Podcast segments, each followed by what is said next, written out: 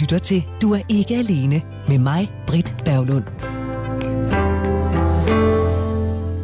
Kvinder taler og taler og taler, og de kan tale ørerne af de fleste, har jeg hørt.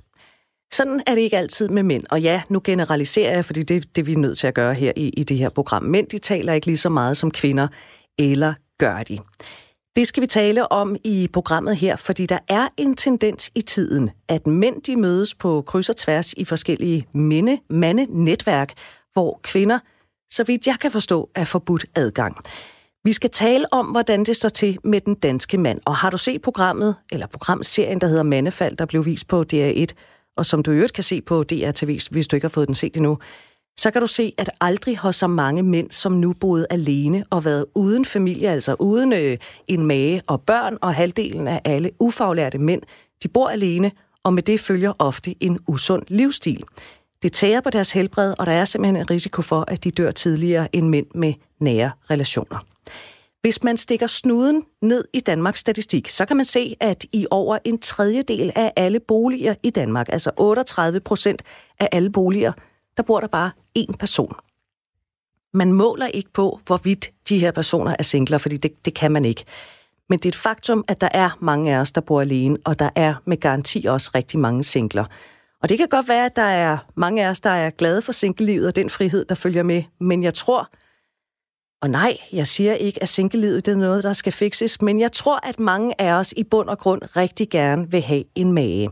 Så hvorfor er det, at vi ikke kan finde sammen? Hvis man ser på den undersøgelse, som øh, Gallup lavede for nogle måneder siden, øh, de lavede den for, for Berlingske, så viser den, at en tredjedel af singlekvinder ikke ønsker en ny partner, mens det for singlemænds vedkommende kun er hver tiende. Så kvinderne er altså ikke lige så sultne efter at komme i et forhold, som mænd er, i hvert fald ifølge den her Gallup-undersøgelse. Så vi skal tale om mænd og nogle af de mandenetværk, der er skudt op over hele landet, og hvorfor mænd har brug for at mødes med mænd. Her i studiet, der sidder tre mænd, der alle har deres syn på, hvad mandens rolle er her i 2020, og dem du skal være sammen med hen over de næste par timer. Det er Mikkel Braginski, manden bag podcasten Handkøn, der forsøger at genfinde mandens identitet og mandens rolle i det moderne samfund. Og det taler Mikkel med mange interessante mænd om, og kommer også til at tale om det i aften. Også med to interessante mænd. Så er der Anders Witzel, Anders er det, der hedder mandementor. Det vil sige, at han taler med mange mænd, som han hjælper på vej, enten i sådan nogle en-til-en forløb, eller også så øh, tager han en gruppe mænd, og så tager de på ophold på en svensk ødegård. Hvad de laver der, det har jeg tænkt mig at, at forsøge at grave lidt i.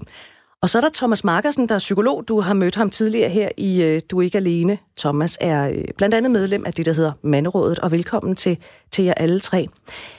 Jeg kunne godt tænke mig, at vi begynder sådan helt overordnet. Øhm, og jeg vil godt lægge ud hos dig, Thomas Markersen. Ja. Du sidder jo som en del af manderådet. Du ved meget om mænd og hvad der rører sig. Hvorfor er der brug for mandenetværk?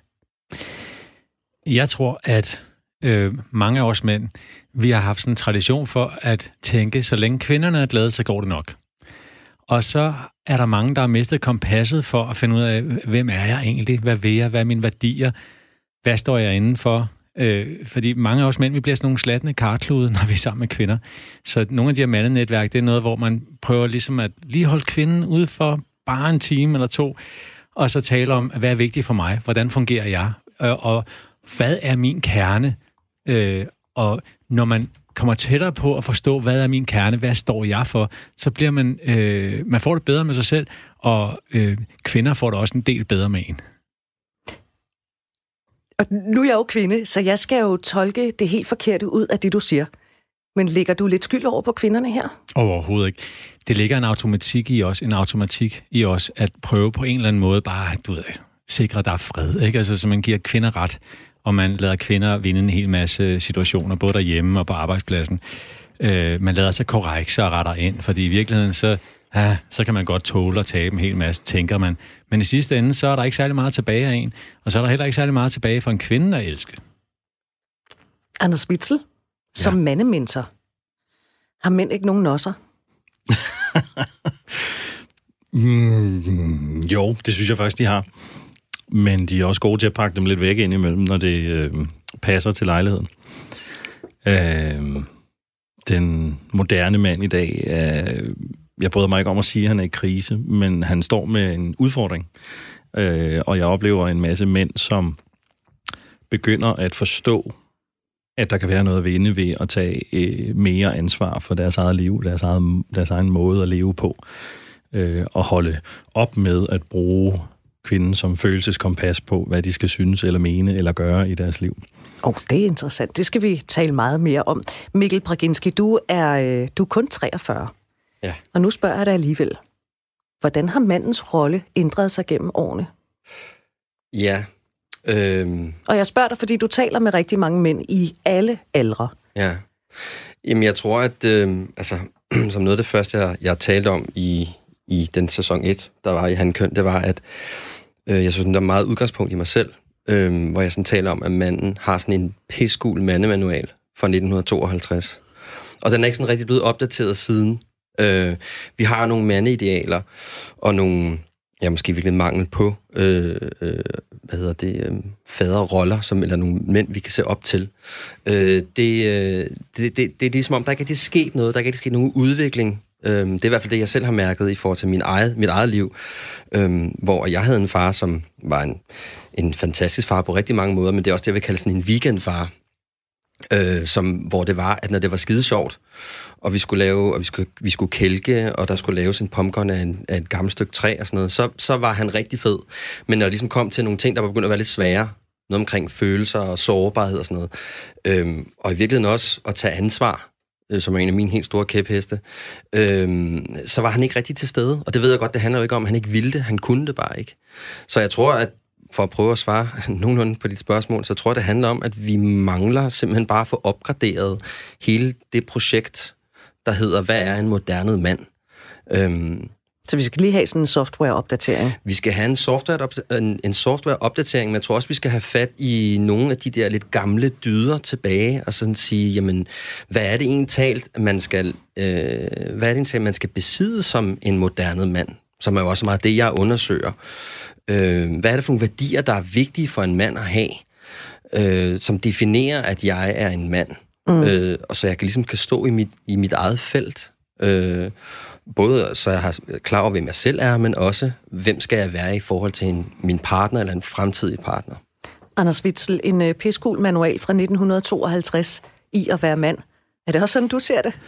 Det er i hvert fald tæt på. Ja, jeg er meget enig med, med Mikkel i det her. Øh, man kan sige, øh, det her med at mangle maskuline rollemodeller, det tror jeg egentlig, er, er, er, er vi temmelig enige om.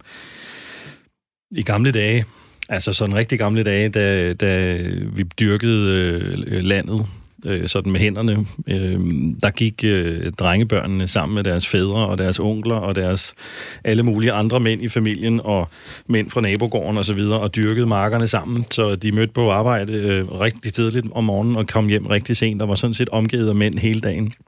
Øh, og på den måde, kan man sige, fik de rigtig meget træning i at være mænd sammen med mænd. Og igennem den udvikling, der så har været siden med industrialiseringen og mændene, der drog til byen og arbejdede på fabrikkerne, og institutionaliseringen af Danmark efter krigen og så videre, hvor, hvor det er overvejende kvinder, der tager sig af øh, også drengebørnene, så er det bare blevet sådan, at, der, at en gennemsnitsdreng har meget, meget få maskuline rollemodeller i sit liv, så der er ikke rigtig nogen, der viser ham, hvordan han skal være mand sammen med mænd, eller hvordan han skal være mand sammen med kvinder. Men tror du virkelig, at dengang, altså i landbrugsdanmark for, for mange, mange år siden, tror du, at man gik derude på marken, og så øh, havde man sine heste, og så lavede man sine plovfuger, og så talte man om følelser? Nej. Det tror jeg ikke. det tror jeg ikke. Men det er jo også, kan man sige, det er jo også et nyt problem, der er kommet på banen efterhånden. Fordi Altså det, følelserne. ja, de er blevet lidt et problem, de der følelser der, ja. Nej, altså, øh, hvad skal man sige, behovet for og ønsket om at tale så meget om dem, er jo også bare noget, vi er utrænet i. Fordi mm. det er der heller ikke nogen mænd, der har lært os, hvordan vi skal gøre. Øh, så kan det godt være, at det først er blevet moderne at tale om følelser, øh, sådan relativt for nyligt, men det gør det jo ikke øh, altså, til et mindre problem. Vi er stadigvæk utrænet i det. Og man kan sige, at de, de gamle klassiske dyder der, som, øh, som Mikkel nævner, øh, som i høj grad er blevet udfordret af, af feminismen og kvinderne ude på arbejdsmarkedet, øh, som, øh, som havde rigtig mange gode ting med sig, øh, Øh, kunne jo alligevel også noget. Der var en grund til, at de var der. Øh, der var bestemt også nogle af dem, der var problematiske, som det er fint, at vi har fået udfordret, men men man kan sige, der kom så meget fart på i hippietiden og 70'erne og feminismen, så, så der er nok også røget nogle af de her øh, dyder, som faktisk øh, var ret gode. Og derfor er jeg også enig med Mikkel i, at det kunne være ret spændende at kigge på, om ikke der var nogen af dem, der skulle genetableres i vores samfund. Og Mikkel, du står og, øh, og nikker. Jamen, det er fordi, øh, altså, jeg fik lige sådan lyst til at addere, at de her klassiske dyder, som jeg øh, taler om, øh, som Anders og jeg så heldigvis er enige om, øh, det er jo, at der, det er jo også inden for det, der skal laves en opgradering. Så det, det, det er jo virkelig sådan nogle klassiske ting, man kan sige. Hvad var det egentlig den mandlige rolle var? Hvad var mandens rolle? Det var jo at skabe noget tryghed på en eller anden måde. I gamle dage, der handlede det om netop de her plovfuger. Der skulle, noget, der skulle nogle roer ind i, og der var nogen, der skulle slås ihjel, så vi kunne få noget mad. Og der var måske en naboklan, der gerne ville voldtage ens kvinder i landsbyen. Og der, derfor der havde vi ligesom en rolle, der hed, at vi skal skabe noget tryghed, for at vi kan øh, blive flere, at vi kan få nogle flere børn osv. Så, videre. så det var sådan ret af praktiske årsager. Øhm, så, så når jeg taler om de klassiske dyder i dag, så taler jeg om, at det, han, det er stadigvæk på et grundlag af tryghed, men det er bare en helt anden form for tryghed, som vi skal etablere nu over for øh, det kvindelige køn, eller den partner, man nu engang er sammen med.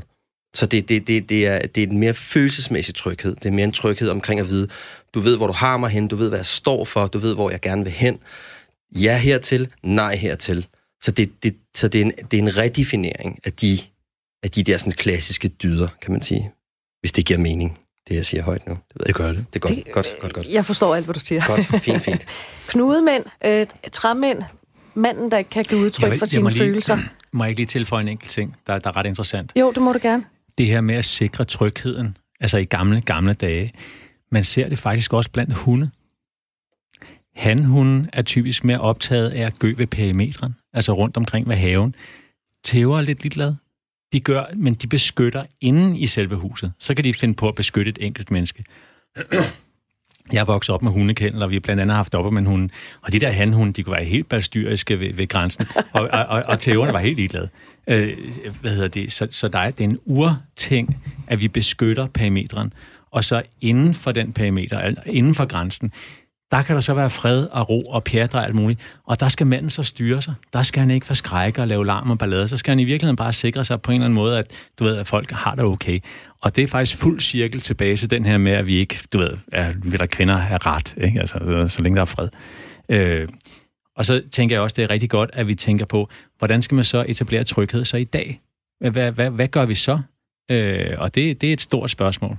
Mm. Anders Witzel? Ja, øh, fordi det, jeg nemlig vil sige til det, det er, at noget af det, jeg prøver at lære mine klienter, det er netop det her med at skabe tryghed på en ny måde. Øh, og det er muligvis ikke gennem plovfuger længere, men det kan godt være, at, øh, at, at vi skal have det opgraderet. Nemlig det her med, at, øh, eller som eksempel, at kunne stå i orkanen Øh, og det mener jeg med, med det største glimt i øjet og kærlighed til kvinder, når jeg siger det. Øh, fordi det er nemlig hende, der er orkanen, eller i hvert fald det, hun hælder ud over manden, i nogen tilfælde kan få sådan en, en oplevelse, som man, at man står i, en, i et stormvær. Men at kunne det, at kunne blive stående der i stormværet, når, når en kvinde ruller sit drama, eller sine følelser, eller sin øh, øh, hormonelle øh, tilstand øh, ud over mænd, som de jo gør. Og jeg ved godt, det er sådan lidt farligt politisk vand. Øh, Nå, prøv at høre, jeg, gør, jeg, jeg gør det på. da også. Altså, jeg er der boet sammen med en mand, der sagde, prøv at jeg er nødt til at stoppe, du har flere ord, end jeg har. Jeg kan ikke, jeg kan ikke være med. Ja. Altså, det er vel i virkeligheden det stormvær, du taler om, Lige ikke? præcis. Eller det kunne i hvert fald se sådan ud øh, i nogle tilfælde det her med at kunne få øh, så meget øh, styrke, balance, tro på sig selv ind i sit eget liv som mand, så man egentlig kan stå midt i det her stormvær og lade kvinden øh, øh, rase eller, eller komme af med alt det, hun gerne vil sige, eller føle, eller græde, eller øh, øh, føle, udtrykke sig ud af, øh, uden at vælte. Fordi det viser egentlig kvinden, at hun kan stole på, at han er der. Og det kan installere en tryghed, for eksempel i et parforholdsrelation at selv om hun godt et eller andet sted ved, at lige nu lægger jeg maks pres på ham, øh, og det er ikke engang sikkert, det er hans skyld, det kan også godt være, det er, men uanset hvad, så bliver han i hvert fald stående. Så når jeg så øh, er dampet lidt af, eller vi nåede lidt længere hen i samtalen, så står han der stadig, og er stadigvæk øh, psykologisk øh, opnåelig øh, at komme i kontakt med, og, og stadigvæk øh, holder han af mig, og han er der endnu. Det kan være en måde at installere tryghed på i et moderne parforhold. Øh, som afløser for plovfugerne. Men altså, vi kvinder, undskyld mig, vi skal vel også bare lære at slappe lidt af, ikke?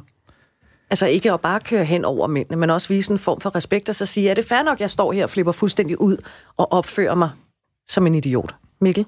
Jamen, jeg tænker, der er også en årsag til, at hun flipper ud, jo. Altså, det, det er sådan lidt tit det, jeg jeg men også... jeg, har, jeg, jeg vil gerne sige, jeg har sgu også været urimelig nogle gange. Det er der ingen tvivl om. Vi er alle sammen urimelige. Vi er alle sammen mennesker, ikke? Altså, det, lad os lige få etableret det som, som udgangspunkt. Men, men det, jeg har oplevet i mit øh, lille liv, det er jo også tit, at de udfordringer, jeg har haft med kvinder, det har jo handlet rigtig meget om en følelse af ikke at blive set, eller ikke blive forstået, eller ikke blive anerkendt i en situation. Netop fordi, at vi måske har lidt en tendens til at være lidt tramandsagtige, eller vi trækker os lidt, for nu bliver, uha, nu bliver det ubehageligt, nu starter hun, jeg kan se, nu løfter hun øjenbrynene, jeg bakker, ikke? Øhm, så det handler jo også for mig om, det jeg er i hvert fald lidt opmærksom eller sådan optaget af, det er jo også det der med, sådan, hvordan, etablerer, hvordan etablerer jeg i virkeligheden et rum, hvor, at de her, øh, hvor der kan minimeres for de her misforståelser. Jeg er klar over, at nogle gange, så, som du selv siger, så er man jo bare urimelig. Altså, så har man bare haft en lortedag. Så går mm. det bare ud over en, ikke? Mm.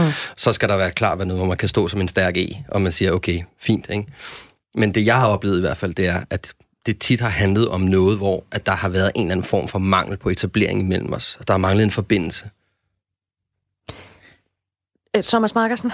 Ganske kort. Så jeg ja. tænker, en, en, en, hvad hedder det, en, en opfordring, der er at signalere til sin kvinde, at jeg skrider ikke. Men, og hvordan, så øh, giv os lige guiden. Hvordan gør man det? Altså, øh, evolutionsbiologisk set, så er vores bevidsthed måske lidt simplere end kvindens. Vi går lidt mere i kampflugt, og kvinder går lidt mere i tend and befriend. Det vil sige, man nærmer sig ved at tale om det. Der er rigtig mange mænd, der kommer til at sige, jamen så, der, så skider jeg ikke mere. Hvor kvinden tænker, gud, men han har jo virkelig bare sagt det i vrede, ikke? Øh, at vi skal være bedre til at kunne stå i det, ligesom øh, Anders siger, at vi skal være bedre til at kunne signalere, at vi ikke skrider, selvom det er svært og hårdt. Så det kan være noget tryghed, ikke? Det giver sådan en relationstryghed i hvert fald, at man er der, selvom det kan stænke. Altså, min egen kæreste udsætter mig for det en gang, du ved, ja, en, hver anden måned eller sådan så får jeg lige sådan en teamsnak eller sådan. Ikke? Og hun kan se på mig, jeg synes, det er hårdt. Og ja, hun ved godt, at, øh, hvad hedder det, jeg ved, at hun ja, ved, at det er hårdt for mig. Altså, vi ved godt, det er en akavet situation på en eller anden måde, og jeg bliver i det, så længe jeg, du ved, magter, og hun øh, roser mig bagefter, faktisk nogle gange, når jeg har men, men, kun være i det. Men, men, men siger hun så også, prøv at høre, om, om, om 15 minutter er det her overstået. Altså, der er en udgang på det her. Det er ikke noget med, at jeg kommer til at køre rundt i det her emne nej, i de nej, næste nej, tre timer. Nej, det kan hun da ikke love.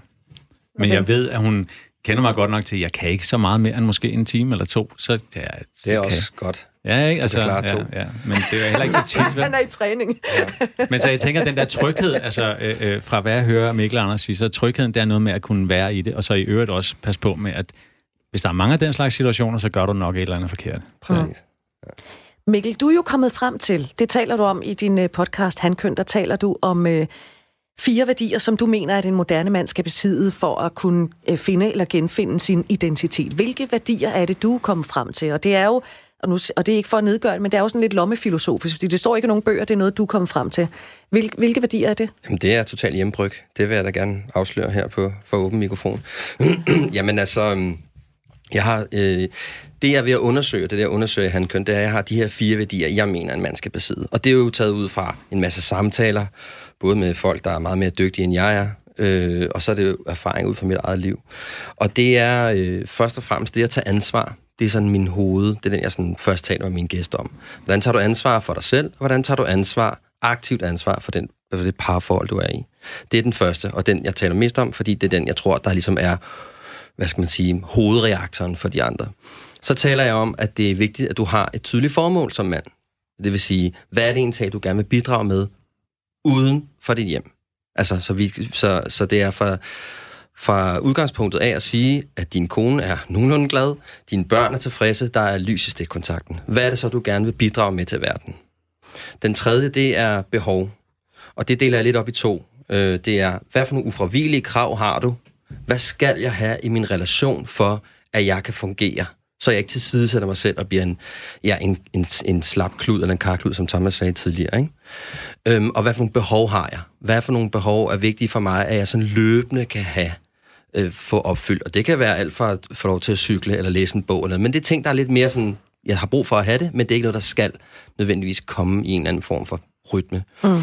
Og den sidste, og absolut ikke mindste, det er jo sårbarhed.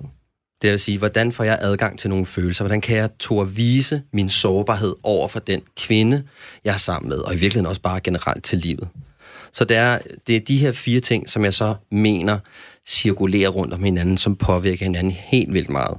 Så hvis du ikke for eksempel tager ansvar for din sårbarhed, jamen så er der et problem med det. Hvis du ikke også har adgang til dine følelser, så kan det være svært at finde ud af, hvad det er for nogle behov, du har, og finde ud af, hvad for nogle formål, du har. Så det hele tiden er sådan, det skal ses som sådan fire cirkler, der står sådan og pulserer lidt i forhold til, hvor meget der er i, i, i aktion. Så det er det, jeg undersøger. Ja. Det her med at, at tage ansvar for sit forhold, hvor nemt er det for dine gæster at svare på det? Jamen altså, det er, hvis jeg må bande lidt, det er pisse svært. Fordi det er en kæmpe stor ting, og det er jo også en ting, som jeg har arbejdet rigtig meget med. Sige, hvordan fanø tager jeg ligesom ansvar for mig selv, når jeg mærker noget, der er ubehageligt, når der er noget, jeg ikke kan, jeg ikke kan styre. Hvad gør jeg så med det? Og jeg får jo mange forskellige øh, forklaringer på det. Øhm, men det, der er også meget interessant, og jeg sådan begynder at opleve mere og mere med dem, jeg taler med, det er, det handler rigtig meget om følelserne. Altså det er rigtig meget der, hvornår man begynder, og der kommer nogle følelser i spil, at der kommer vi altså lidt ud og... Fordi der er noget på spil? Ja, fordi der er noget på spil, og fordi vi ikke rigtig, som, som jeg tror, du sagde lidt øh, tidligere, Anders, at, at vi ved bare ikke, hvad vi skal gøre med det. Vi er ikke trænet i at forstå det, og sådan tage ansvar for noget. Vi har ligesom bare lært fight or flight. Ikke? Så enten så bliver det til en debat, hvor vi skal slås, eller også så trækker vi os bare ud i skuret og sliber på et stykke træ. Ikke? Altså det er ligesom de to ting, der er. Så det, det, det kræver ekstremt meget. Øh, det kræver så meget mod i virkeligheden at, at turde tage det ansvar. Ansvar, sårbarhed, formål og behov, det er de fire værdier. Ja. Anders øh, Witzel, hvordan klinger de fire ord hos dig? Øh, super fornuftigt.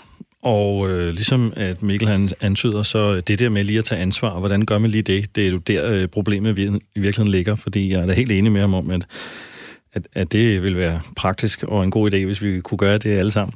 Øh, men jeg kommer til at tænke på, for eksempel, øh, hvis vi dykker ned i det her med følelserne, at de fleste mænd i dag har nok fundet ud af, at det der med at tale om følelser, det er en super fin måde lige at få nogle øh, punani-point på over hos kvinderne. Øh, og øh, at der måske virkelig også skal være noget godt i det for dem selv, sådan helt inde i, i deres egen kerne. Øh, men det, der så sker, er, at fordi vi er utrænet i det, så bliver den her følelsesnak tit sådan ret klodset. Øh, så, så bliver det sådan... Altså, under... intentionen er god, men det bliver bare sådan lidt, ja. hvorfor skulle vi nu det-agtigt? Ja, eller, eller, eller øh, at, at, at, at vi ligesom øh, kommer til kort ret hurtigt. Altså, vi, vi, vi kan ikke øh, disciplinen at tale om følelser. Øh, så bliver det for eksempel sådan noget med, du har sagt, at jeg skal udtrykke mine følelser, så nu synes jeg, at du er mega dum, fordi du har givet mig den her følelse. Altså, så bliver det sådan noget jalousi eller anklage eller et eller andet. Du har jo selv sagt, at jeg skal udtrykke mine følelser, så nu siger jeg, at jeg synes, du er dum, fordi jeg har den her følelse. Øh, eller, altså nu karikerer det selvfølgelig lidt, men, men det bliver tit sådan noget sådan lidt, lidt klodset, ikke særlig konstruktiv, øh, ja. noget, der kan komme ud. Mikkel? Jamen det, jeg sådan fik lyst til at, at addere til det, som Anders siger, det er jo, at det jeg jo fandt ud af, når, jeg så, når det så lykkedes mig, for jeg har trænet rigtig meget på det der sårbarhed, jeg synes, det har været virkelig svært. Også selvom jeg selv synes, jeg er lidt er sådan et følsom fyr, og godt kan lige tale lidt, du ved, omkring, hvad der foregår. Men når det virkelig er noget, der er på spil, når der er noget, der er, det koster noget nu, så har det været virkelig, virkelig svært for mig. Men det, jeg fandt ud af, når det var, at jeg kunne bruge min sårbarhed på den rigtige måde, så skar vi rigtig, rigtig mange lag af den diskussion, der var i gang. Så det vil sige, vi begyndte faktisk at tale om det, det handlede om, i stedet for, hvorfor gjorde du ikke det, og du sagde det til ham, eller hvorfor du ikke, hvorfor du ikke ryddet det op, eller jeg kan mærke, altså hvad der nu har været, vi begge to har været øhm, usikre og utrygge omkring, men lige så snart, at jeg tror at sige, jeg kan faktisk bare mærke, at jeg bliver sindssygt utryg, når du gør sådan der. Så var det ligesom om, at det hav, der ligesom var bruset op, det, for, det, kom, det faldt simpelthen ned til, til ingenting. Så det, var, så det, er sådan, det er også den måde, jeg ligesom sådan har erfaret det. Ikke at sige, at det er let, fordi det er det overhovedet ikke. Altså, der er, som min gamle afdøde far sagde, der var ingen, der sagde, at det skulle være let mm. at leve, vel? Øhm, så det, det er mere bare at sige, at, at det er også derfor, det er sådan en vigtig ting for mig, og jeg ser som en, en, en af de fire værdier, at det kan virkelig noget, hvis du bruger det rigtigt. Så man skal udforske og være, altså sin egen sårbarhed, og være villig til at vise, at selvom man er mand, så kan man også godt være sårbar. Ja, og det er jo tit det, som jeg har erfaret i mit liv.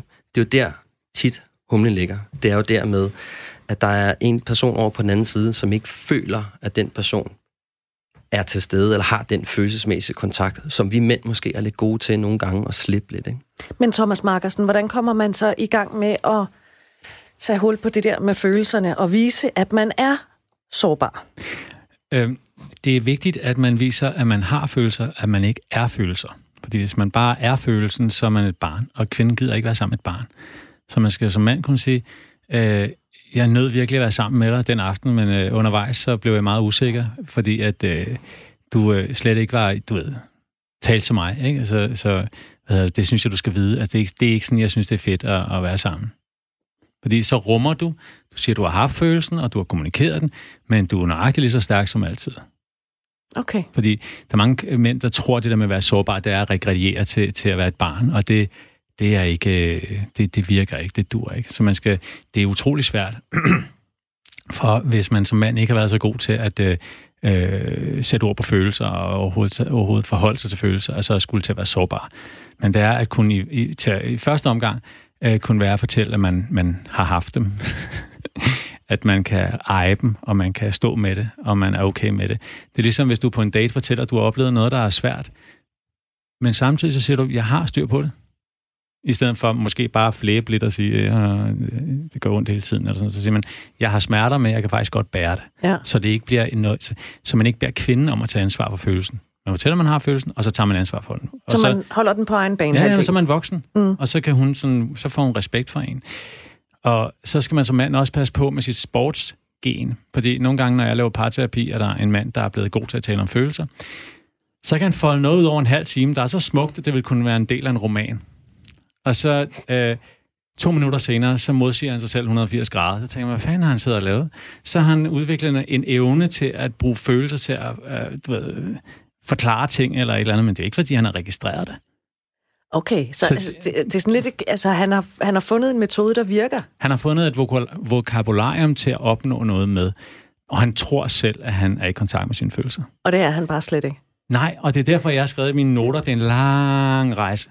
Altså, du skal, det handler om sådan en ærlighed og autenticitet, og altså sådan en sårbarhed, hvor du også virkelig kan tage fejl, ikke? Altså, hvor du kan se dum ud og alt det her. Det er en mm. overgivelse til noget på en eller anden måde. Mikkel Brakinski? Jamen, jeg tænker også bare, det er, altså en ting, jeg har oplevet, det er også det der med, at når man så, altså det, jeg havde haft store problemer med, det der med at være sårbar, det er sådan, at man føler sig simpelthen som en skvat, ikke? Altså, du står der, og så skal du sige, jamen, jeg kan mærke, at det er sådan her. Altså, det er jo, det er jo bare noget, man har oppe i sit hoved. Ja, jeg nikker bare, der ja, ingen, der ja. kan se det. Men ja. ja, men altså, det, det er jo en ting, som jeg sådan har været en af de store stopklodser for, at jeg har tog at være sårbar. Det var, fordi jeg troede, at jeg var Altså, jeg nærmest skulle til at begynde med, med tampon, når det var, at jeg var færdig. Men det var så pinligt at skulle gøre det der, ikke? Og så ville hun sikkert ikke synes, at jeg var særlig maskulin. Fordi jeg stod jo op og viste nogle feminine sider af mig selv. Og så ville hun sikkert tænke sådan, ej okay, det er sgu for fesen det der, ikke? Jeg er så klar over, at det ikke er sådan helt det, for, det forholder sig i dag. Men det var i hvert fald der, hvor jeg var i ja. sin tid. Det tror jeg, der er mange, jeg, jeg forestiller mig, at der er mange, der har det sådan. Og jeg forestiller mig også, at det er der, man starter. Ja. Og så lærer man gradvist at eje de her følelser, sådan, så man ikke øh, hvad hedder det, det dekompenserer fuldstændig foran kvinden, men rent faktisk kan fortælle, hvad man oplever, og relatere det til ens værdier, og så videre, og så videre, ikke? så man ejer, ejer det øh, stærkt ja, som mand. Så kan man være sårbar og være stærk på samme tid. Mm. Jeg har også lyst til lige at sige, at, ja, øh, at, at, at nu siger du, at man kan være sårbar og stærk på samme tid. Jeg tror virkelig, det er der, der er meget problemer, der ligger, at der er blevet sat lighedstegn mellem at være sårbar og at være svag. Øh, og, og den skal man egentlig starte med at afmontere, for ellers bliver det rigtig svært for en mand at, at ture og være sårbar. Øh, og til at bruge det, kunne man for eksempel bruge nogle af de her arketyper, jeg tit taler om, når jeg har med mænd at gøre, øh, netop krigeren, øh, som er, er en af, af de gamle arketyper, kan man sige, for, for det maskuline. Øh, og en kriger er jo per definition sårbar. Han kan såres, han kan slås ihjel, han kan stikkes i, han kan blive forhugget ben af. Øh, og jeg tror ikke, der er ret mange kvinder i verden, der vil synes, at han pludselig øh, så meget skvattet eller feminin ud, øh, fordi at han kunne risikere at blive såret, eller fordi han var blevet det for den sags skyld, så vil han stadigvæk stå i sin, sin maskuline krigerrolle. Så det kan man måske bruge som sådan en slags billede på, øh, at man sagtens kan være både maskulin og, og sårbar, uden at være svag.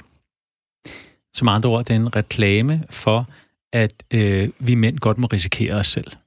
Det kan kvinder godt lide. Det synes jeg var en rigtig fin sætning. Mænd må gerne risikere sig selv. Det er godt.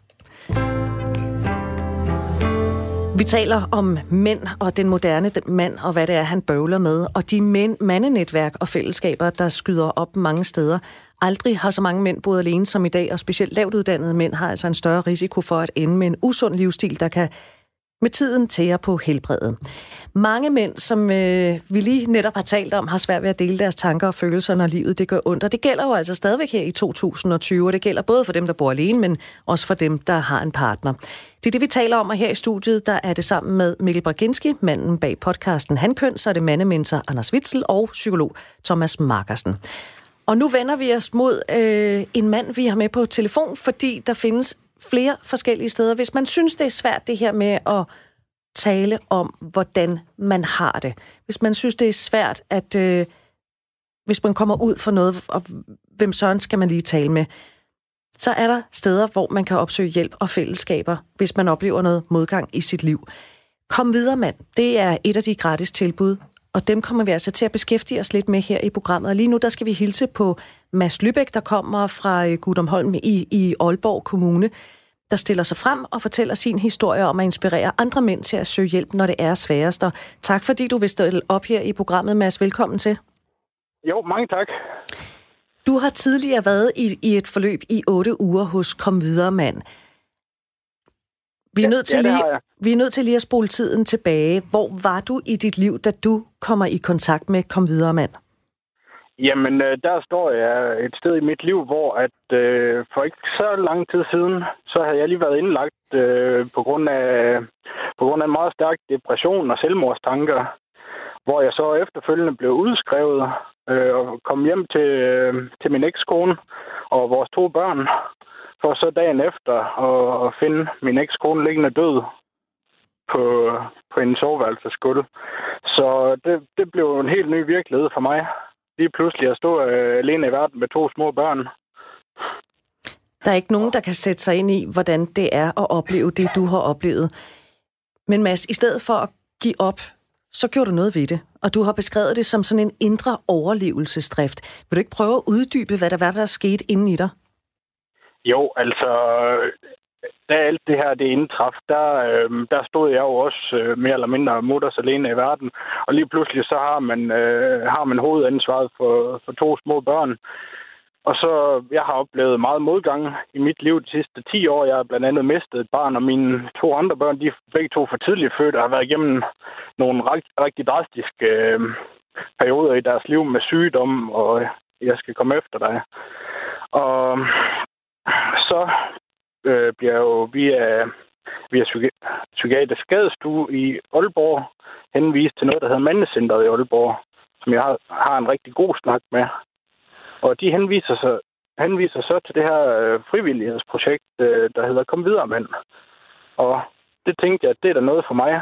Du har, du har brug for du har brug for, for også at tage hånd om dig selv den her gang. Ikke bare, øh, ikke bare lade tingene stå til og falde tilbage i de samme gamle dumme vaner og de, de, de samme problemstillinger som førhen.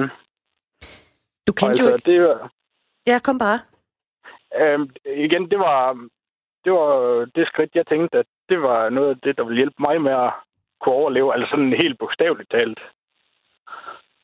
Og du kendte jo ikke nogen af mændene på forhånd, øh, da du mødte op til dit første møde i Kom Videremand.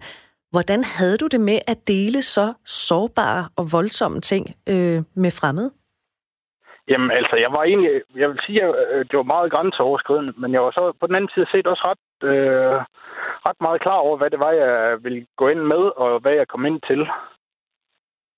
Øh, men jo, det var der selvfølgelig helt klart grænseoverskridende. Øh, syv fremmede mænd og en, øh, en øh, gruppeleder, som jeg knap nok kendte jo. Og så og øh, det skud af sine øh, allerdybeste følelser og, og problem, problemer. Det, det var selvfølgelig grænseoverskridende i starten, helt klart. Kan du huske, hvad det var efter dit første møde, der gjorde, at du tænkte, okay, men jeg kommer til at møde op igen?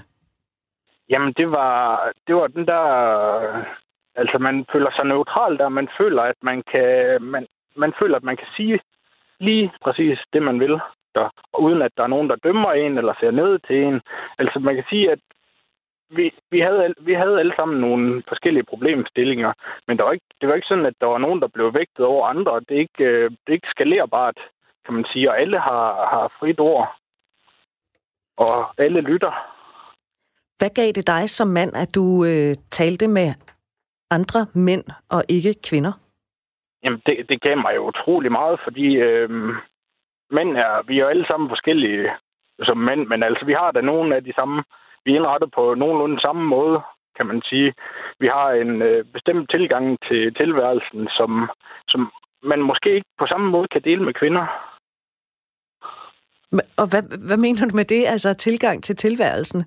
Jamen, øh, at vi har jo alle, vi har jo en eller anden gængs opfattelse af øh, den her macho-kultur, og at mænd, de må helst ikke være svage, og må helst ikke give udtryk på deres følelser. Men det følte jeg, at det kunne man i det her fællesskab, uden at der var nogen, der... Og alle de kunne ligesom genkende til, jamen, hør, jeg har, det, jeg har også haft det dårligt på punkt i mit liv, og, og han, her, han har det også dårligt, så kan vi jo lige så godt snakke om tingene. Så Mads, hvordan har du det i dag? Jamen, jeg har det fantastisk godt i dag. Altså, jeg bor sammen med en ny kæreste, og mine børn, de store trives den dag i dag. Og kom videre, manden har, har gjort utrolig meget for mig i den sammenhæng, fordi der fik jeg et fællesskab og kunne dele nogle ting, som jeg øh, nok ikke ville dele med alle andre. Mm. Hverken min familie eller nære, nære venner, eller, fordi man skal, man, skal, man skal virkelig grave dybt, og det kommer man også til. Hvis du, du skulle komme med dit øh, bedste råd til mænd, som øh, enten allerede er i en bølgedal, eller oplever at få en over snuden, hvad skulle dit råd så være? Jamen, øh, gør noget ved det. Altså, mænd kan tage initiativ på mange forskellige måder, men vi er nok aller dårligst til at tage initiativ i forhold til at gøre noget for os selv. Og det er en, øh, det er en genopbygningsproces, men der er nogen, der vil hjælpe dig. Der er nogen, der får hjælp dig. Og altså, ja, min tanke var, kan jeg gøre noget for mig selv, så kan jeg også gøre noget for andre omvendt. Mads Lybæk, tak fordi du vil uh, fortælle din historie her i uh, Du er ikke alene, og godt at du hørte, eller at du har det godt i dag. Selv tak, og tak for muligheden. Det er godt. Hej. Hej igen. Det er en voldsom historie, som, som, uh, som Mads han fortæller her. Øhm, men det her med, at altså vi har jo allerede været lidt inde på det, ikke? Han siger, at der er sådan en opfattelse af, at mænd skal være macho-mænd, men samtidig så er det jo også rart nok at opleve, at man kan tale om sine følelser med andre mænd. Hvad siger I til Masses historie her? Ja, men jeg synes, det, bare, det understreger jo bare vores, øh, vores pointer her i studiet. At, øh, at, der, at der er sådan en generel øh, ja, diskurs om, at, øh, at, at, at, at, vi mænd er enormt svage, hvis vi udtrykker noget, der, er, der har noget med vores følelser at gøre. Mm. Øhm, fordi man kan jo sige, i virkeligheden, så er vi vel det samme i, om vi er mænd eller kvinder. Der er måske bare en kulturel barriere, der har gjort, at vi øhm, har fået at vide, øh, at, at vi er meget forskellige i. Og det at vise følelser som mand, det skal du lade være med, fordi så er du en svag person. Mm. Det var Mikkel, eller jo, Nej, nu står jeg og ruder i det. Mikkel Brzezinski, du hørt her. Du lytter til, du er ikke alene i studiet, også Thomas Markersen, der er psykolog, og så Anders Witzel, som er mandementor. Anders, øhm, Mads, han fortæller, at det var grænseoverskridende, det her med at skulle afsted til det første møde i Kom Videre Mand. Mm. Du er mandementor. Ja. Hvornår kontakter mænd dig? Det gør de... Øh, det er faktisk lidt forskelligt. Men jeg kan kende et, et, vist, et, vist, et vist mønster, som passer på, på Mads. Øh, og det er, at der er mange mænd, som først tager fat, når de er nået så langt ud, så der næsten ikke er andre muligheder tilbage. Ja, fordi Mads, øh, han taler jo om bogstaveligt talt overlevelse. Det må man sige. Han har, han har stået i den, i den ultimative valg mellem øh, livet eller øh, døden, øh, kan man sige. Og, og på den måde er han blevet givet gennem sin voldsomme og, og, og tragiske historie øh, en mulighed for at vælge livet til, og det valgte han så heldigvis og, og kan fortælle den her øh, imponerende historie på det her tidspunkt. Øh, man behøver ikke nødvendigvis at skulle så langt ud, før man kan stå øh, og, og være i knæ, øh, og, og derfor vælge til at gøre noget ved det, som, som Mads også øh, råder øh, mændene til. Men, øh, men, men lidt for mange er lidt for længe om at gå til lægen. Lidt for mange mænd i hvert fald. Og, og, og lige sådan er de også øh, alt for længe om at opsøge hjælp Og der taler jeg ikke nødvendigvis om at skulle gå til en, en psykolog eller en terapeut, eller nødvendigvis at opsøge et mandenetværk, men i det hele taget bare om at, at række ud og, og ligesom erkende, at øh, hvis jeg kunne fikse det her selv, så havde jeg nok gjort det for længe siden, så havde jeg det allerede bedre. Øh, så jeg må nok hellere snakke med nogen. Og nogle gange kan et mandefællesskab jo opstå øh, uplanlagt i en gruppe af mænd, for eksempel.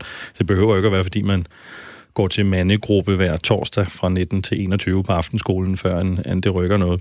Det kan også bare være et mandefællesskab med en anden god ven. Det kan nogle gange gøre underværker øh, for mænd. Så mænd, de kommer, når smerten simpelthen er blevet for stor? Ja, altså der er også nogen, som er... Der, der begynder at komme en, en, en ny, øh, hvad skal jeg kalde det, en ny, en, ny, en ny slags mand, som også tager fat lidt tidligere, som faktisk synes, det er spændende, det her med selvudvikling, øh, og som kommer øh, når han har noget, han godt vil snakke om. Jeg har stadigvæk til gode at, at få en klient ind ad døren, som øh, synes, at livet bare er fjengfjong, og det hele det kører, og nu har han hørt, at det er smart at gå til mentor, så det skulle han også lige prøve. Altså, det, det er nemmest at udvikle sig, hvis man mærker en smerte og en utilfredshed med noget, som, som ikke er så rart at være i.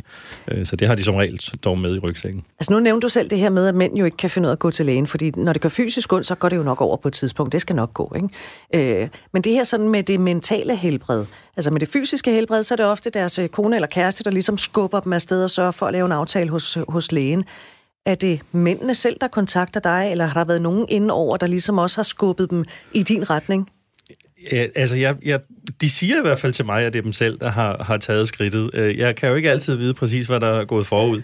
Øh, og jeg har øh, oplevet i mit eget liv i hvert fald, at nogle gange kan kvinder godt øh, plante små frø i, i mænds bevidsthed, uden at øh, manden nødvendigvis tænker, at nu er jeg blevet presset til at skulle det her. Øh, men, men lige pludselig en dag får manden selv ud af det blå en fantastisk idé, og i virkeligheden har hun været øh, på spil et stykke tid i forhold til at, at skubbe ham kærligt ud af døren til noget. Men uanset hvad, så, så plejer jeg at sige til mændene, at om I så er blevet skubbet eller manipuleret, eller selv har valgt at komme herned, så, så er det i hvert fald fint, I er kommet, fordi han har sagt, hvis I er blevet skubbet herned, så trængte I endnu mere til det, øh, end hvis I selv havde valgt det. Mikkel Briginski, hvad giver det for dig at tale med... Altså, du har jo øh, mandevenner, og så har du kvindevenner, og det er ikke nogen, du nødvendigvis sådan mixer på kryds og tværs, vel? Hvad giver det for dig at tale kun med mænd? Jamen, jeg tror måske, man, der er jo sådan et, et fællesrum. Altså, man føler lidt, man er lidt sammen med samme dyreart, ikke? Altså, at man sådan, du ved, vi kan begge to måske godt være lidt klumset i den måde, vi sådan prøver at komme frem til det, og måden, vi kommer hen til det på. Øhm, så så øh, det, det, det, det, det er der noget rart, det er noget tryg, der er noget trygt i det, ikke? Altså på en eller anden måde, hvis man kan sige det, hvis man kan sige det sådan. Men skal du trykke dine venner, på, når du spørger, hey øh, Morten, hvordan går det så? Siger Morten, jamen det går sgu fint nok. Køber du den så, eller så siger du, ja, det er fint nok, det går godt, men hvordan går det egentlig? Det er helt klart noget, jeg oplever, at jeg nogle gange skal gøre. Nu er jeg også selv måske sådan irriterende opmærksom på øh, mine venner, ikke? fordi jeg vil gerne have, at de har det godt og sådan noget. Ikke? Så jeg har sådan en ting med, at jeg godt kan finde på at sige til dem, hvad, hvad går du egentlig til at optaget af? Mm. Altså, hvad er det egentlig, du går sådan og tænker over? Øh, men det er tit det første, jeg får fra øh, næsten alle mine venner, det er, jamen det går skide godt. Det går mega fedt. Alt er bare super godt. Og så øh, et kvarter længere inden, måske en øl senere, så ja. bliver det åbnet op, at ja. Bettina og jeg har det måske... Der er måske noget med, at jeg synes, hun er lidt dominerende, eller øh, jeg kan sgu ikke lige finde ud af, hvad det er, jeg gerne vil, eller eller andet. Øhm, men jeg går meget til dem. Altså, jeg synes, jeg har et ansvar. Jeg føler, at jeg har et ansvar over for mine venner at sige, for helvede, fortæl mig, hvordan du har det. Altså, hvad, mm. jamen, det går godt. Skal vi ikke prøve at tale om, hvordan du egentlig har det? Fordi for tre dage siden, der havde du det ikke så godt. Lige nu har du det super godt. Så hvad er det lige, der er sket inden for de sidste tre dage? Thomas Markersen, det her med, at man skal trykke lidt mere på maven, og så, så bliver der åbnet lidt mere. Hvor typisk er det for mænd? Uh, vi uh, er, mange af os har en, en, en uh, er jeg stensikker på, medfødt frygt for, at folk vil bruge vores svagheder imod os. Så man kan gå og... Uh, nogle af mine venner kan fortælle et eller andet sårbart, og så når man taler eller mødes med dem en måned eller to efter, eller sådan noget, så er der helt lukket. Så er butikken helt lukket. Så, så man, der er Skodderne på døren ja, ja, ja, man har sin, der, man åbner op en gang imellem, og man gør det kontrolleret, ikke? Øh, der er grænser for at kontrollere der efter fem bajer, men øh, jamen, så det kender jeg godt. Og så er jeg faktisk, mens vi sad og lyttede til, hvad hedder det, øh, Mads og øh, sikke noget, han har været igennem, og hvor mm. er han modig også at stille op og fortælle om det her, øh, og kan være en rollemodel for andre, der oplever rigtig svære ting. Jeg tegnede en øh, pyramide omgivet af kvindetegn. Ja. Og det gjorde jeg, fordi at Vores øh, behov for at præstere og være dygtige, øh, det, er, det kan øh, øh, tegnes som en pyramide. Vi vil gerne være i den øvre halvdel af hierarkierne for at være valgbare af kvinderne. Så for at vi overhovedet kan tillade os at rasle ned i pyramiden og være der og tale derfra, så skal der ikke være kvinder, der kigger på.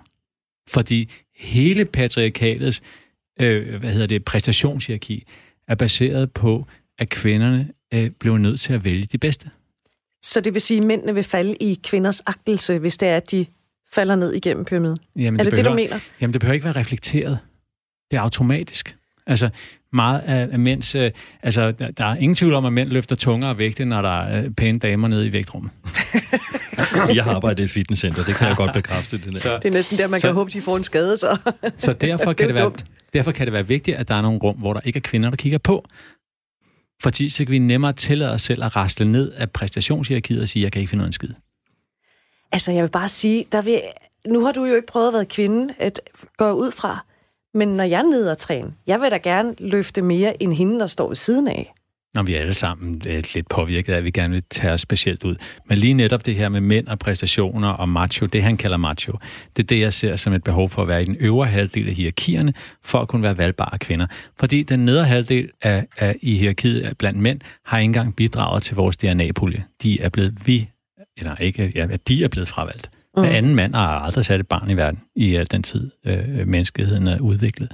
Så det er, vi er gearet til fuldstændig til at øh, præstere og være noget og kunne noget. Og det har noget med kvinder at gøre. Og derfor så er det vigtigt at have de her mandenetværk og fællesskaber, hvor kvinder er forment adgang.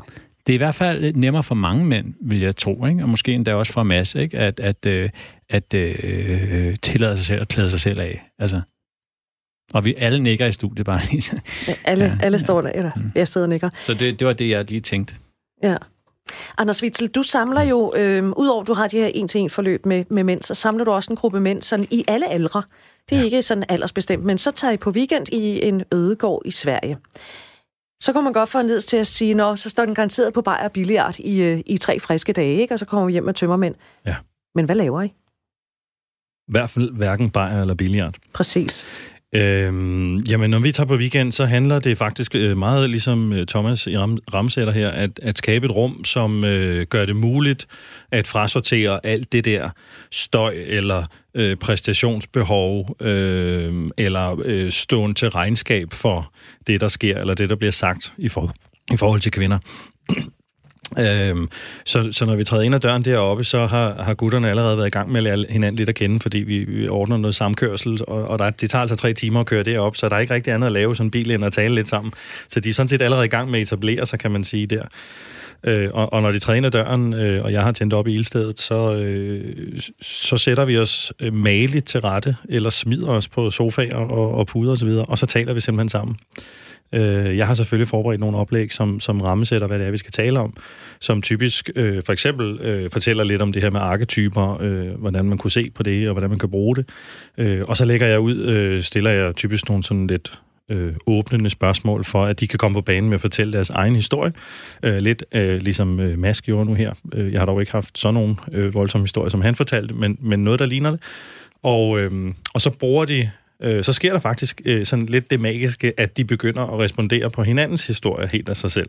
Uden at jeg behøver egentlig at facilitere det. Jeg tror, det der rum, tre timer fra København, langt, langt ude i en mørk svensk skov, hvor man godt ved, der kommer ikke nogen forbi, og kvinder har ikke adgang. Øh, I hvert fald ikke, når vi holder de her mandeweekender.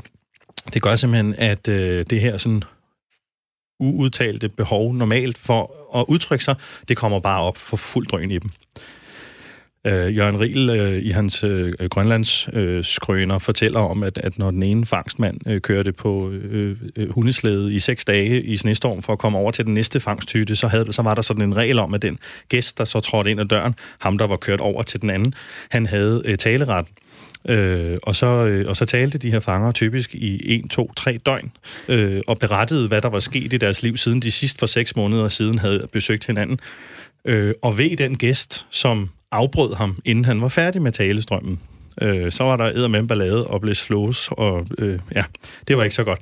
Og, og jeg tror i virkeligheden, at det er, sådan, det er sådan ret almindeligt for mænd, det der med at gå med ret mange ting, de godt kunne tænke sig at få sagt højt og forvente og få noget sparring på fra nogle andre. Og det er nøjagtigt det, der sker, når vi er øh, deroppe.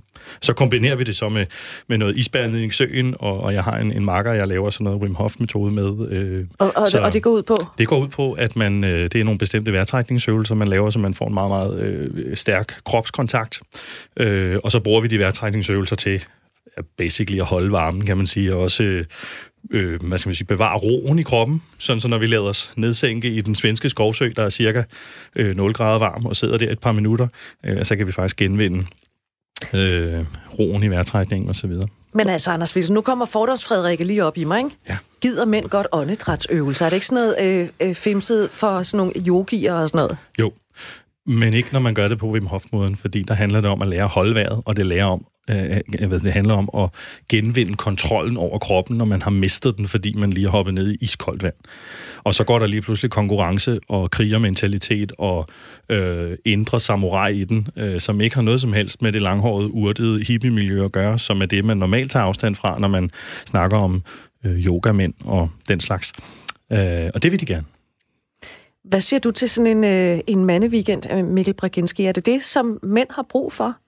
Kvinder, ingen adgang i to-tre døgn. Jeg tror, der, jeg tror, der er nogen, der har brug for det. Altså, der, der har øh, sådan en, en fyr som Mass, eller nogle af dem, som går på Anders' øh, hvad skal vi kalde weekend? Hvad er det? Kalder du det mandeweekenden? Jeg kalder ja. dem faktisk for revival. Ja, Anders' ja. revival weekender. Øhm, det tror jeg, der er nogen, der har brug for, fordi de simpelthen måske, i min optik, er for langt væk fra sig selv.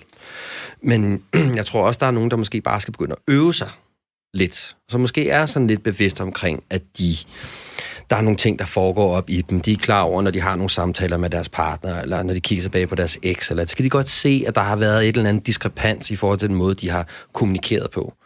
Og sådan for at tage sådan lidt en, en fitness-analogi, så er det jo ligesom alt muligt andet, at man skal, hvis du gerne vil have en stor overarm, jamen, så skal du løfte, og du skal blive ved med at løfte noget, der er tungere og tungere. Og det er jo lidt det samme med at øve sig i at finde ud af at udtrykke sig, hvad det er, der foregår i en. Så man kan jo for eksempel starte et sted med at sige, jeg har det ikke så godt. Altså for eksempel, Nå, hvorfor har du ikke det? Jamen, det er lidt svært. Jeg ved ikke lige, hvad der foregår. Så man kommer lidt ud over det strukturelle. Altså, så man ikke taler om, øh, der er også noget lort, jeg skal sætte nogle vinterdæk på, eller jeg mangler noget olie på min bil. Men mere sådan taler om, altså, så man, man tillader sig at åbne op for noget. Mm. Øh, så man øver sig stille og roligt på at sige noget, som måske kan være sårbart. Og så opdager, at man bliver ikke afvist. Du bliver jo aldrig Nej. afvist.